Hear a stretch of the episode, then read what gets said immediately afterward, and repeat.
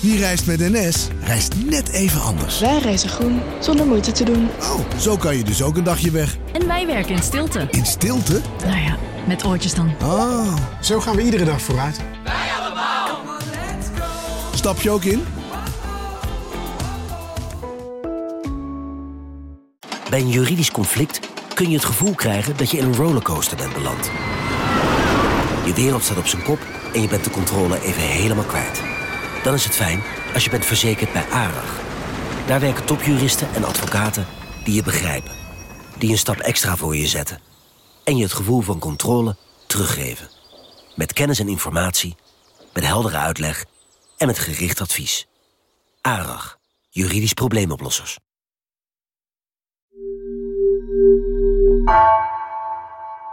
Gemma, wat ligt daar voor wezentje op, eh, eh, op het bureau? Voor viezig bruin vod wilde je zeker zeggen. Hè? Nou, eh, ik wil jullie graag voorstellen aan de enige echte onbehaarde aap hier.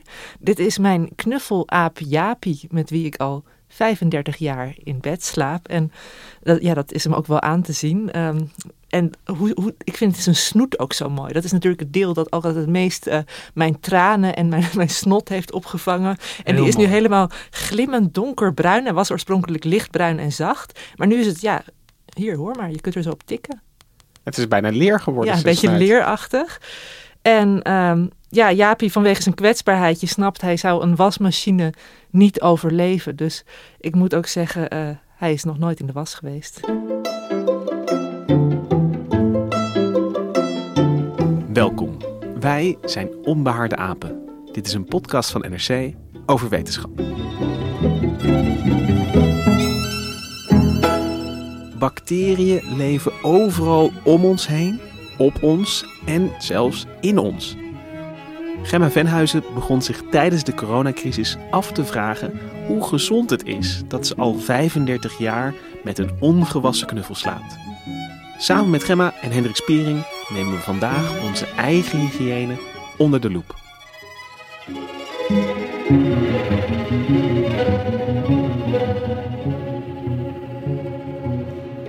Ik, ik heb dus een keertje, t- toen ik klein was, overgegeven over een knuffel. En eh, mijn moeder heeft, mijn lievelingsknuffel was dat. En die is daarna wel de wasmachine ingegaan. En die, die kwam inderdaad bijna onherkenbaar terug. nee. met, met veel, ja, veel pluiziger en zo. Dus, dus En eh, toen was het je lievelingsknuffel niet meer. Nee, het is, het is nog goed gekomen en hij, hij, hij, hij trok bij. Eh, het was een zeehond. Ehm, maar, maar bij de Sinterklaas erop eh, kwam er dus ook een nieuw zeehondje bij. En dat was dan, in het narratief was dat een, een, een nakomeling. maar het, ik, ik, ik snap eh, eh, waarom je niet, niet naar de wasmachine gaat. Nee. Maar goed, om in knuffeltermen te spreken, hij heeft nog wel beide ogen. Ja, dat zeker. Ja, het zijn wel een beetje zo van die gebutste knikkers. Ehm, En is, is er eh, ooit iets gerepareerd? Want hij heeft Ja. eigenlijk bij zijn nek lijkt hij wel een soort eh, verwonding te hebben. Zeker, ja. ja. eh, Mijn moeder die heeft ook met naald en draad vroeger hem al heel vaak... zijn nek is een kwetsbaar deel. is ook een heel dun nekje voor een relatief groot hoofd. En zijn ru- rug heeft ook een transplantatie gehad. Dus, er- en, en, en dat is niet door een poppendokter ge- geweest? Dat is nee, dat is allemaal eh, huisvleit van mijn moeder geweest. En ik heb zelf later eh, ook nog wel eens, hè, als er nu af en toe... Hij, hij is gevuld met een soort geel sponsachtig vulsel. En als dat nu via zijn nek er naar buiten komt, dan eh, steek ik de naald nog wel eens in hem. Maar mag ik het als een algehele indru- indruk een beetje vlekkerig eh, gebruiken? Ja, Dat- hij is niet egaal bruin. Hij was ooit wel pluizig en zacht en mooi lichtbruin. Maar vlekkerig vind ik wel. eh, ik denk dat hij daar eh, niet al te beledigd door zal zijn. En eh, Ja- Jaapie slaapt dus al eh, heel erg lang eh, naast jou. En wanneer ben jij je gaan afvragen van is dit, eh, is dit nog oké? Is dit Nou, nog wel veilig? Ja, ja, je, kunt twee dingen. Je kunt natuurlijk, is het psychologisch nog oké? Dat is denk ik een heel ander onderwerp waar we nu maar even niet over moeten gaan hebben. Maar ook van eh, hoe, hoe vies is dit eigenlijk? En dat, dat komt en gaat een beetje met vlagen. Want je moet, bij sommige dingen moet je gewoon niet te lang stilstaan. Ehm, eh, maar ja, juist in de hele coronacrisis eh, werd hygiëne opeens een kernbegrip en was elk object mogelijk verdacht. En dan slaap ik nota bene met zo'n viezig fot naast me, wat al 35 jaar niet in de was is geweest. Als je er maar niet in hoest. nou ja, dat, daar was ik dus heel erg bang voor. Van, ja, van hè, stel nou dat ik dan per ongeluk Jaapie besmet en Jaapie weer mij of anderen. Het was allemaal... eh, opeens was hij een tikkende tijdbom geworden. Nu is Jaapie eh, nat- natuurlijk eigenlijk, eh, die, die confronteert ons eigenlijk met de vraag over onze persoonlijke omgeving, onze eigen hygiëne en hoe schoon moeten we onszelf en die omgeving eigenlijk houden. En jij had die vragen ook, Gemma, en jij wilde dat onderzoeken. Hoe heb je dat gedaan? Nou, ik, ik raakte heel gefascineerd door al dat onzichtbare leven wat we met ons meedragen. Hè? Op onszelf en ook op de voorwerpen om ons heen, waaronder dan knuffels. En eh, die microben, dat is in feite natuurlijk een ontzettend grote groep van schimmels, bacteriën, ehm, eh, virussen, parasieten. En daar heb je in totaal honderden miljoenen van. Maar ik was, ik was eigenlijk vooral benieuwd naar de bacteriën. Want eh, we zijn door het coronavirus zijn we allemaal helemaal toegespitst op de virussen. En een virus is in feite helemaal geen organisme. Dat is een klein deeltje met, met erfelijk materiaal. Maar een bacterie is wel degelijk een eencellig micro-organisme. En ik vond gewoon het idee weer heel fascinerend dat Jaapie in die zin ook weer allemaal een soort van kleine huisdieren op zich heeft leven. Het is een, het is een hele kolonie van knuffeltjes eigenlijk. Ja, zeker. ja maar, maar, maar dan dus echt le- levende knuffel. Eigenlijk zou je Jaapie meer als een virus kunnen omschrijven, omdat het een dood, dood of een levenloos ding is. Ik hoop niet dat er erfelijk materiaal in zit. Nou goed, dit, hoe dan ook. Ja, ik dacht van eh, bacteriën, dat is eh, iets wat we van naam allemaal kennen. We hebben er ook wel, je hebt de antibacteriële doekjes, een antibacteriële zeep. Ehm, maar het is tegelijkertijd super onzichtbaar. Ik bedoel, eh, ze zijn vaak nog geen micrometer groot. En als je bedenkt, bedenkt dat een micrometer weer een duizendste van een millimeter is, dan eh, ja, snap je dat ook wel dat je ze niet met het blote oog kunt zien. Ja, en als ik jou goed, goed hoor, is, is die, die bacteriën die vormen veel meer een, een leefgemeenschap. Ik bedoel, die, die, die, zijn, die zijn aan het leven en aan het groeien om ons heen. Die, die, die, die virussen zijn een soort ja, eh, hackers die af en toe, toe eh, hard binnenkomen, vliegen en ons, ons ziek maken en, en dan ook weer, wel weer verdwijnen. Ja, maar, Maar, die, maar bacteriën die blijven, die, die, die leven nu in onze huiskamers, in onze slaapkamers, in onze knuffel. ja, dat zijn onze onzichtbare huisgenoten. En dat is tegelijkertijd een gezellig en een beetje een beangstigend idee. Want als je huisgenoten hebt, wil je toch wel een beetje iets van ze weten. En nou ja, met, met die vraag, zo, zo lig je dan s'nachts met je knuffel tegen je aan, een beetje te filosoferen, dacht ik, ik, ik, ik wil wel eens op onderzoek uit. En ehm, toen heb ik contact gezocht met Remco Kort. Hij is hoogleraar microbiologie aan de Vrije Universiteit in Amsterdam.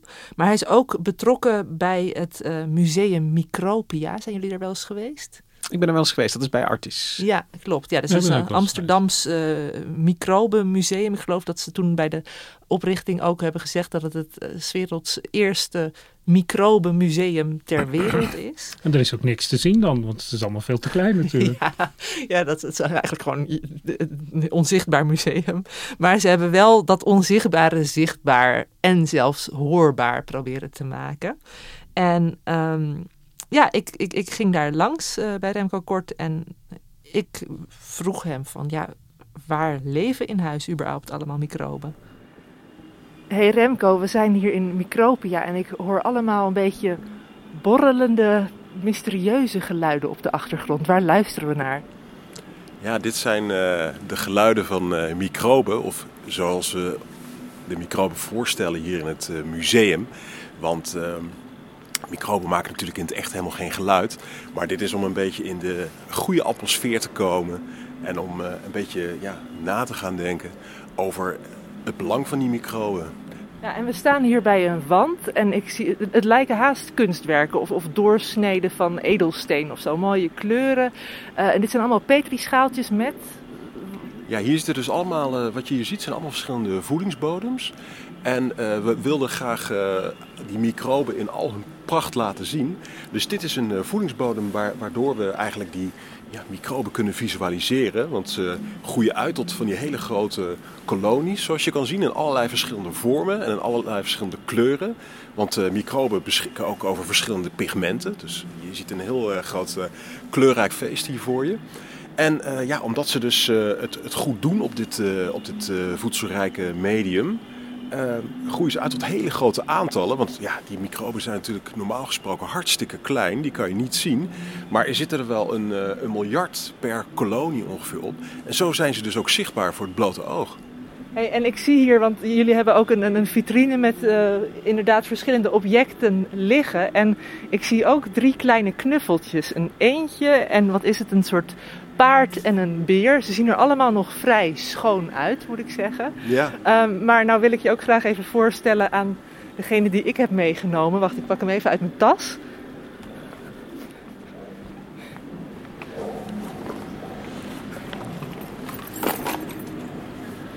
Dit is Jaapie.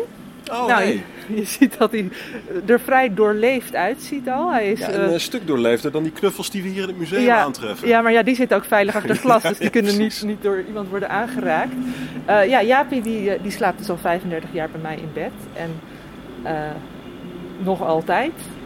Dus daarom was ik ook wel... Nou ja, ik ben heel benieuwd, want je hebt dus al die mooie schaaltjes hier eh, op, de, op de wand hangen. Ja. En stel dat wij Jaapie nou in zo'n schaaltje zouden duwen. Hè, dan zou er ook een soort microkunstwerk, microkunstwerk op basis van zijn microben ontstaan. Ja, dus er zijn dan maar eh, hele kleine aantallen bacteriën nodig. Want elke kolonie is eigenlijk ontstaan uit een enkele bacterie.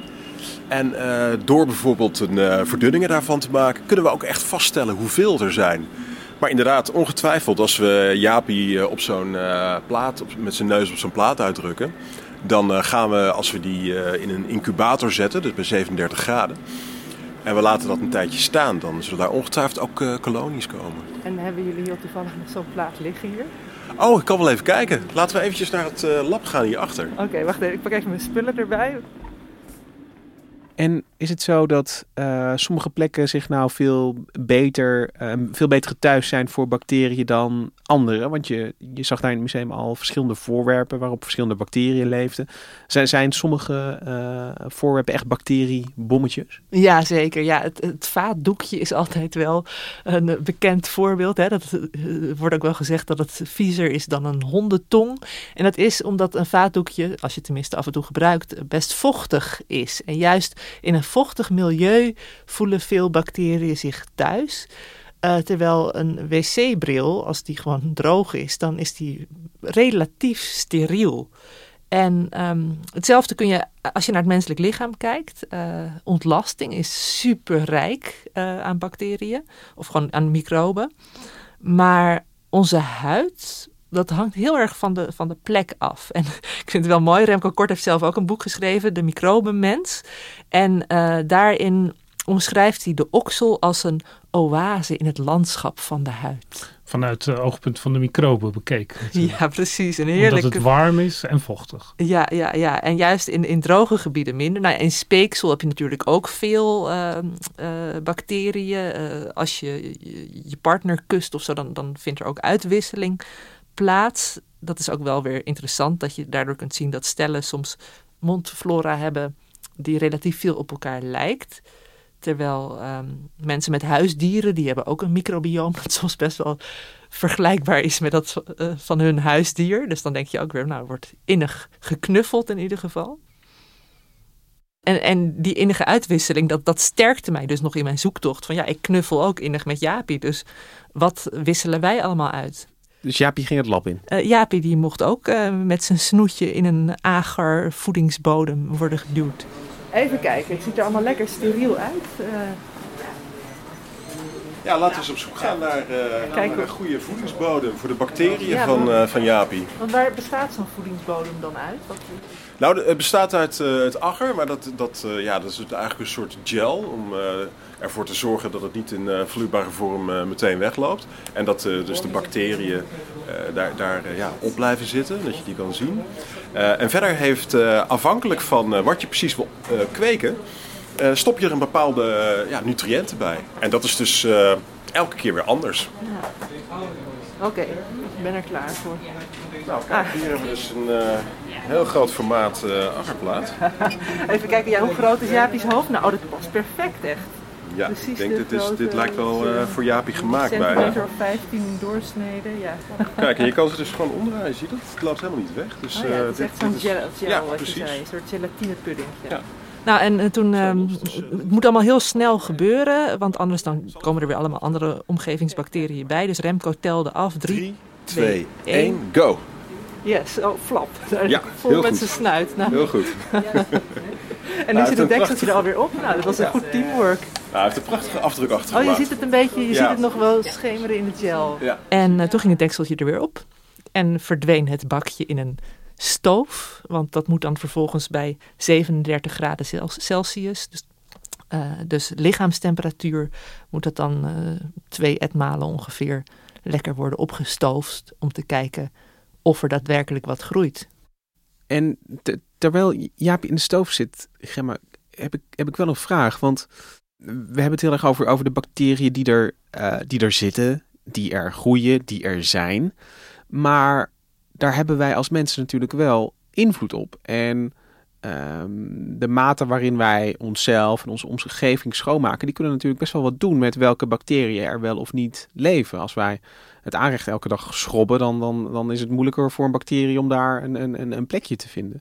Dus ik, ik, ik ben wel benieuwd van hoe weten we nou wat een goede manier is om, om met dat, dat leven in en om ons heen om te gaan?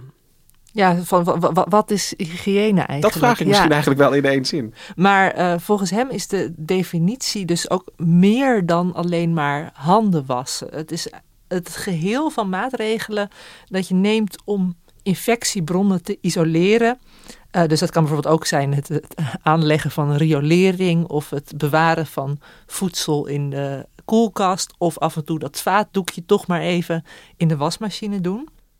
Het komt natuurlijk ook een beetje voort omdat we er steeds meer over, over weten. Er, er wa- was, ik, ik- weet nog dat er is een soort genre van, van, van onderzoekjes die, die laten dan zien van oh, er, er, er leeft een, een, poepbacterie op, op, op onze telefoon. Weet je? En dat is dan, dan weer, dan, dan is de, Horror. ja, dan is de Ja, implicatie weer. En de urinesporen in de bakjes met borrelnootjes. Ja. En ja, dan is de, de implicatie altijd weer van, oh, we wassen niet, niet, niet genoeg of we zijn onhygiënisch bezig. Maar ja, vol- de- de- de- volgens mij is het zo simpel niet, toch?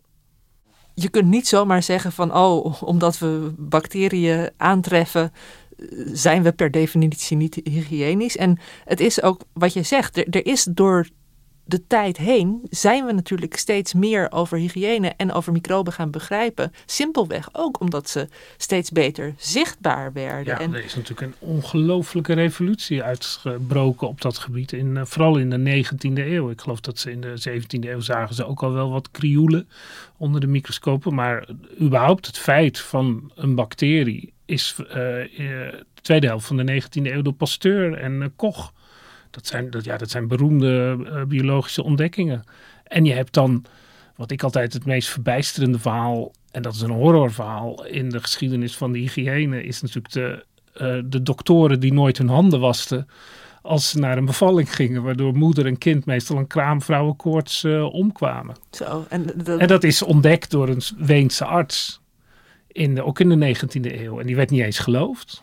Die mensen van handen wassen is niet belangrijk, Nee, was toen nodig. de, de opvatting. Dus het is eigenlijk dan nog, eh, hè, zeg twee eeuwen geleden of zo, was er nog een radicaal andere gedachte. Ja, er was wel het idee dat dingen schoon moesten zijn. Want je hebt ook de, de, de, het cliché van de Hollandse zuiverheid. eh, de vrouwen die de huizen schoonmaken. eh, de diensters die de, die de mensen met vieze voeten optillen om de vloer schoon te houden.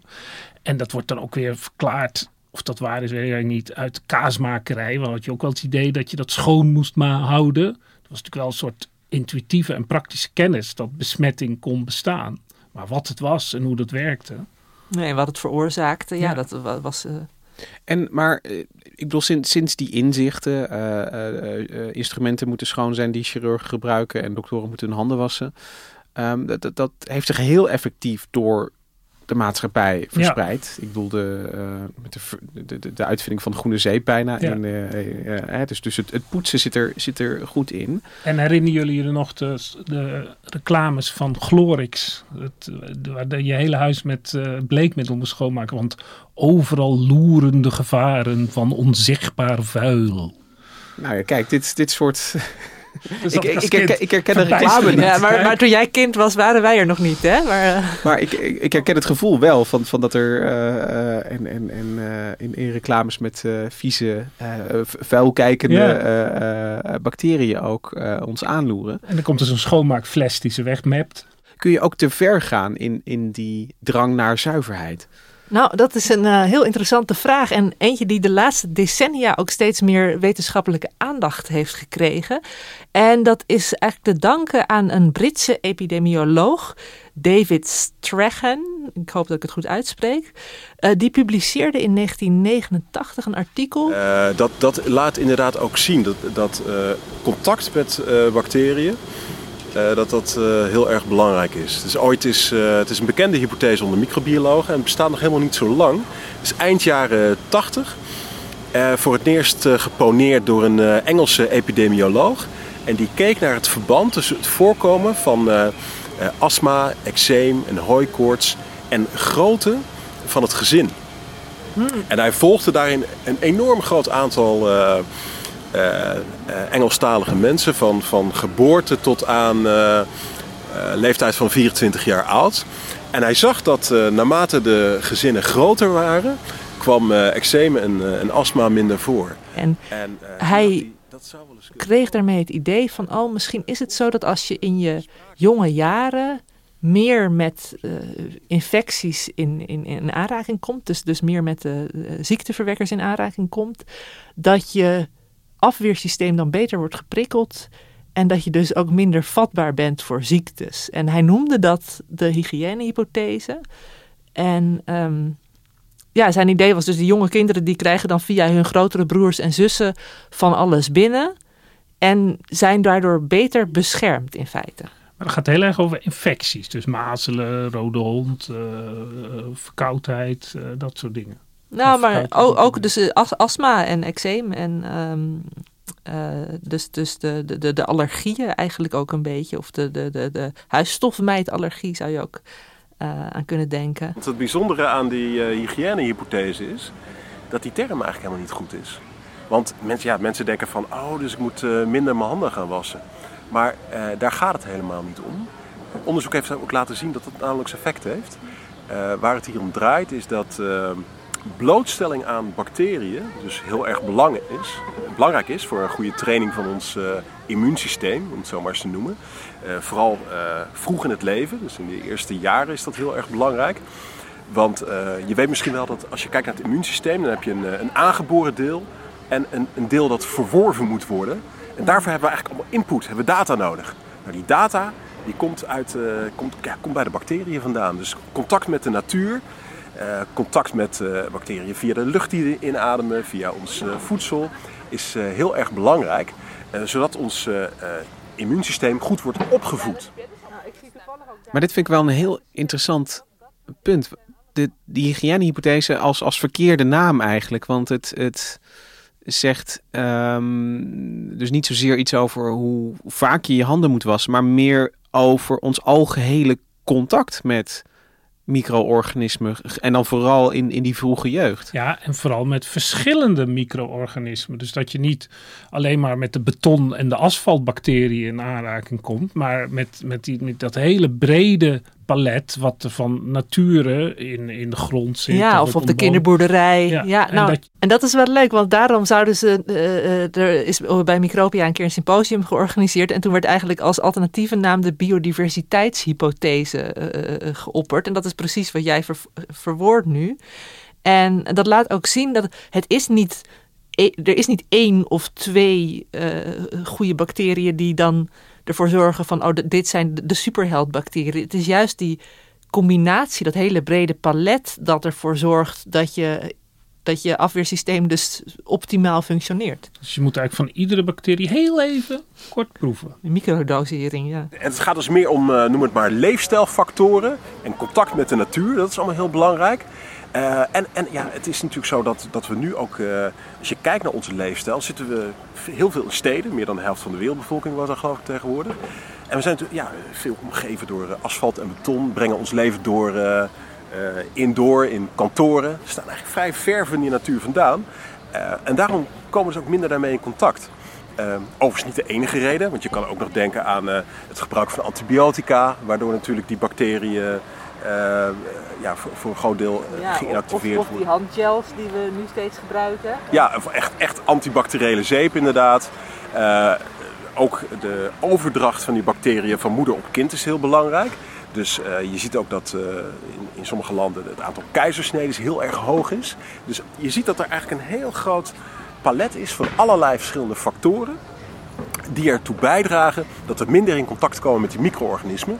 En waarom is dat nou zo belangrijk, dat opvoeden van het immuunsysteem? Omdat als we dat niet doen, dan reageren we dus op onschuldige prikkels. Het is zo interessant omdat ehm, eh, ons lichaam dus een beetje ingesteld is op eh, contact met bacteriën. En op het moment dat dat wegvalt, dan, dan, dan groeit het dus een beetje scheef. Ja, dat vind ik ook wel interessant, hè? want eh, ze, willen ook benadrukken met de, de biodiversiteitshypothese, noem ik hem dan maar even. Het is dus niet verkeerd om zekere hygiëne in acht te nemen. Je handen wassen mag en is zelfs juist ook goed om die schadelijke ziekteverwekkers eraf te spoelen. Maar als je gewoon je handen wast met zeep, dan haal je wel die, die net verworven potentieel schadelijke bacteriën weg. Maar die basislaag blijft zitten. Terwijl, als je dan echt met, met alcohol of met die, die antibacteriële middelen aan de slag gaat, dan dood je goed en fout tegelijkertijd. En dan heb je opeens een, een, een steriel oppervlak dat vervolgens gekolo- gekoloniseerd kan worden door de slechte. Voordat we hier samen kwamen over nadacht, dacht ik dat er eh, eigenlijk een golf was van, van hygiëne, noem ik het maar even, in, eh, vanaf eh, eind 19e eeuw. En dat dat nu weer... eh, De Glorix-golf, zeg maar. Ja, en, en dat, het, dat het nu weer helemaal de andere kant eh, op gaat. Ik noem het maar even de zandeetgolf. hè, dus dus, dus dat, het, dat het juist allemaal goed gezien wordt. Dat, dat, dat klopt wel een beetje, maar het ligt ook genuanceerder dan dat. Als ik jou goed beluister, Gemma. Dan, dan, dan gaat het wel om een soort verstandige omgang met, ehm, met de bacteriën om ons heen. Zeker. Ik bedoel, we mogen echt wel blij zijn met onze riolering en onze kraan en onze koelkast. Uh, maar tegelijkertijd hoeven we niet bang te zijn voor de zandbak. En niet uh, altijd overal voor elk vuiltje de snoetenpoetsers, of hoe dat tegenwoordig ook heet, uh, tevoorschijn halen. Toetenboeners. ja. het is veel oeklanken altijd in dit product. Um, maar ik ben toch wel heel benieuwd wat er dan uit de test met Jaapie kwam. Dat was ik ook. En uh, nou ja, wat ik zei, het, moest 48 uur stoven. Dus ik was al niet meer bij Micropia toen de uitslag bekend werd. Maar Remco die stuurde me enkele heel verhelderende foto's. Of in zulke mate verhelderend dat er in ieder geval duidelijkheid naar voren kwam dat er een hoop op Jaapie groeit. Want uh, die, die uh, agarbodem die was flink bedekt met van alles en nog wat. Nou, en dat vond ik dus al een hele spannende uitkomst dat ik zag van er zit dus duidelijk leven in, of nou ja, op Jaapie. En uh, het zag er heel veelbelovend uit. En om in nog meer mate van detail te kijken wat dat leven dan was, uh, raadde Remco me aan om een analyse te doen bij het Leidse bedrijf Baseclear. En daar werken ze met um, zogeheten 16S RNA-analyse. En dan kijken ze in feite naar uh, het RNA van bacteriën. Uh, elke levende cel heeft dat, uh, bacteriën ook. En um, dat 16S, dat is een bepaald gen dat voor elke bacteriesoort net iets anders is. Dus op basis van die genen kun, kun je dan zien van hey, welke bacteriën komen er eigenlijk allemaal voor. Een soort streepjescode een soort streepjescode, een unieke streepjescode voor elke bacterie. En um, ja, Baseclear doet dat normaal voor bedrijven. En ze hebben tegelijkertijd ook iets, dat vind ik een hele mooie naam, My Micro Zoo. Dat je als, als uh, geïnteresseerde consument kun je dan je eigen ontlasting laten onderzoeken. dus da daar, daar waren, hadden ze heel veel ervaring mee. Maar, maar was, ze hadden nog nooit iemand met een knuffel gehad, nee, zeker? Nee, ze dachten eerst ook van, oh, wat moeten we hiermee? En ze zeiden ook wel van, ja, uh, hè, waar we het eerder over hadden, je huid is in die zin een, een armer bacteriemilieu dan, uh, dan ontlasting. Dus we moeten maar even kijken hoe en wat eruit komt. Maar ze waren ook wel geïnteresseerd. En wat ze toen deden was mij een testkitje opsturen van, uh, ja, eigenlijk van die swabs die je ook met de coronatest hebt. Van die uh, lange wattenstaafjes. Waarmee ik zowel Jaapie moest gaan bemonsteren als mezelf, als mijn kussensloop. En dan tien keer over een stuk huid van 5 bij 5 centimeter strijken. Oké, ik kies gewoon mijn rechterwang uit. Het voelt een beetje koud aan, maar verder niet heel spannend. Ehm, en dan ook nog mijn kussensloop en natuurlijk Jaapie zelf, want met Jaapie is het allemaal begonnen. Ja, dus ik eh, stuurde die buisjes op en ehm, vervolgens ze hadden al wel gezegd, ik had daar contact met twee medewerkers, Derek Butler en Radhika Bongoni. En zij zeiden wel van, ja, weet je, wees je ervan bewust, het is een N is één experiment. Hè? Het is één, één Knuffel. knuffel, eh, één ik en eh, één moment in de tijd ook. Dus je kunt er niet keihard wetenschappelijke eh, conclusies aan trekken. Maar ze vonden het wel heel leuk om mee te werken, om te kijken wat voor bacteriën er dan allemaal op hem leefden. En nu zitten jullie wel in spanning natuurlijk. Ja, voor de dag ermee zou ik Ja, zeggen. the really nice thing we see, I think, on on the kind of view from a distance here is if you look at the overall picture, you do see a clear, let's say, similar pattern between some of the samples. Um, so if you look overall at this, you, you see that fecal, I think Radhika said that fecal and oral are distinct patterns, which we would expect, by the way. But if you look at the, the, the mattress and the teddy bear, which are the two, let's say, non bodily samples, there seems to be similarity with the um, um, cheek, definitely, but also with the armpit. Um, and this, this, I guess, is, is to be expected to some level and would suggest some level of, let's say, transfer there. het interessantste was dat eh, het meest voorkomende op Japi en ook op mijn wang was de Cutibacterium acnes. En aan het woord acnes, eh, daar hoor je al acne in natuurlijk. En dat geeft al weg. Ik heb altijd, vooral eh, in mijn puberteit, een best wel onzuivere huid gehad. En er wordt wel gezegd, eh, volgens Radhika en Derek, dat eh, bij mensen die dus een wat gevoeligere huid hebben, dat die dus relatief veel van die Cutibacterium hebben ten opzichte van andere huidbacteriën. En vroeger werd ook wel gedacht dat die bacterie acne kon veroorzaken. Nu begreep ik in micropia dat het ook andersom juist kan zijn en dat die kan helpen om je te verdedigen Hmm. te- tegen acne. Of helemaal volgens de biodiversiteit. Ja, wordt Ja, heel precies. ingewikkeld. Ja, Ja, en, maar het interessante, die heb ik dus veel, heeft Jaapie ook veel. En nou wil het, mijn huid is tegenwoordig best oké, maar ik heb nog wel eens af en toe een pukkeltje. En ik dacht al wel van, oh, zou dat komen omdat ik dan de hele tijd door Jaapie weer word, word herbesmet, als het ware. Want er wordt ook wel gezegd, hè, je moet je kussensloop af en toe vervangen, anders dan eh, blijf je jezelf opnieuw besmetten. I, I dare not comment on it. I, I, I think this is a very, yeah, difficult thing to put as a hypothesis. Um, speak, purely speaking, from what I know of microbiology, the if if you transfer bacteria, for example, from your cheek to a, in this case, the teddy bear, uh, I think it the te- the cheek will be a lot better environment for those bacteria to grow, meaning they will, in all likelihood, grow a lot happier, better, faster on your skin than what they will on the teddy bear. En het bleek ook zo dat Jaapie leek op mij, op mijn kussensloop en deels ook op mijn oksel. Want in mijn oksel komt dan weer, en in, in- niet alleen in mijn oksels, maar ook in jullie oksels, Oh. komen dan eh, Paracoccus bacteriën eh, voor. En eh, dat is dus eh, veel vochtiger milieu. Dus je, gezicht is droger of een beetje olieachtig, wordt ook wel genoemd.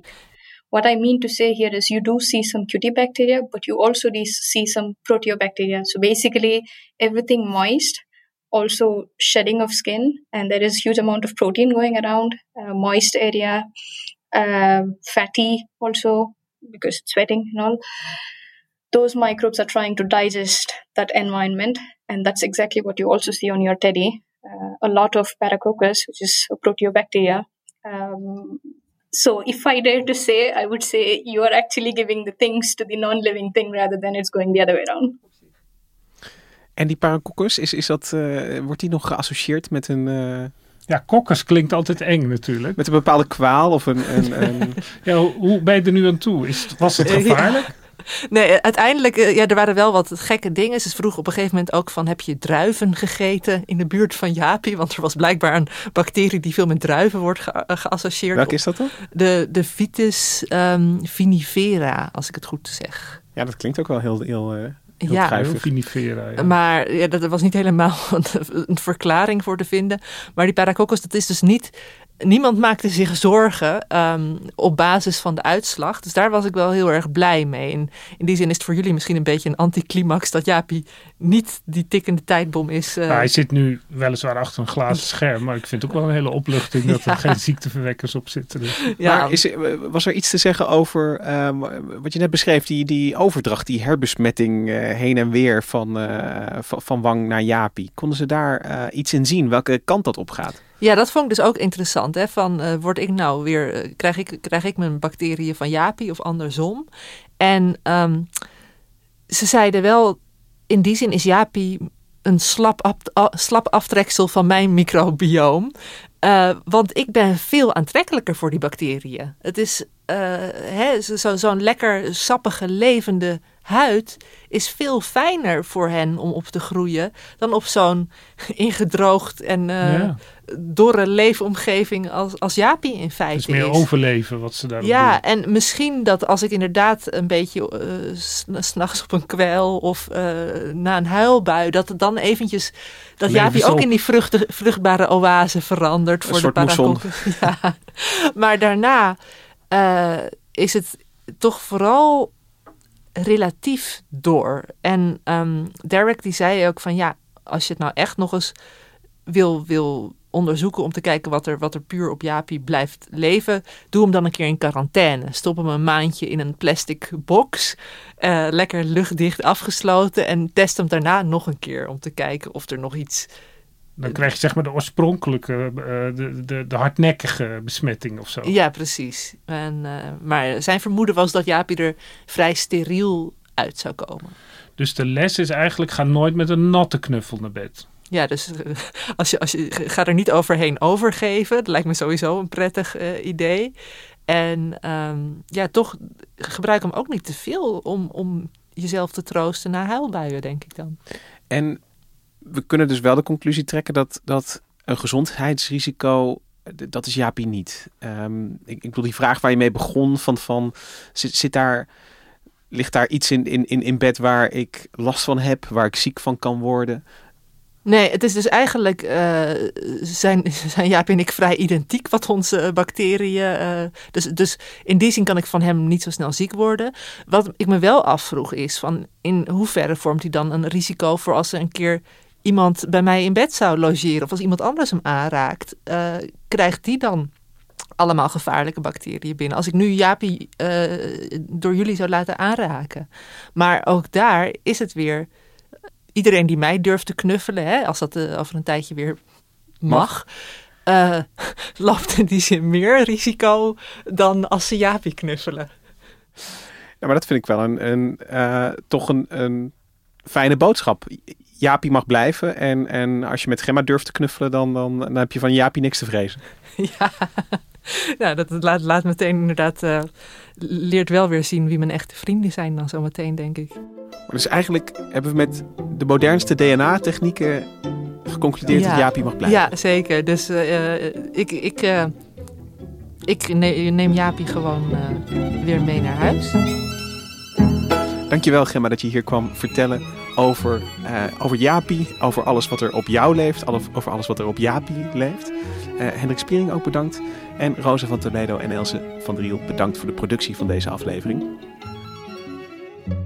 En de muziek die je hoort, die is gespeeld door het Dudok Quartet. Wij zijn er volgende week weer. Tot dan!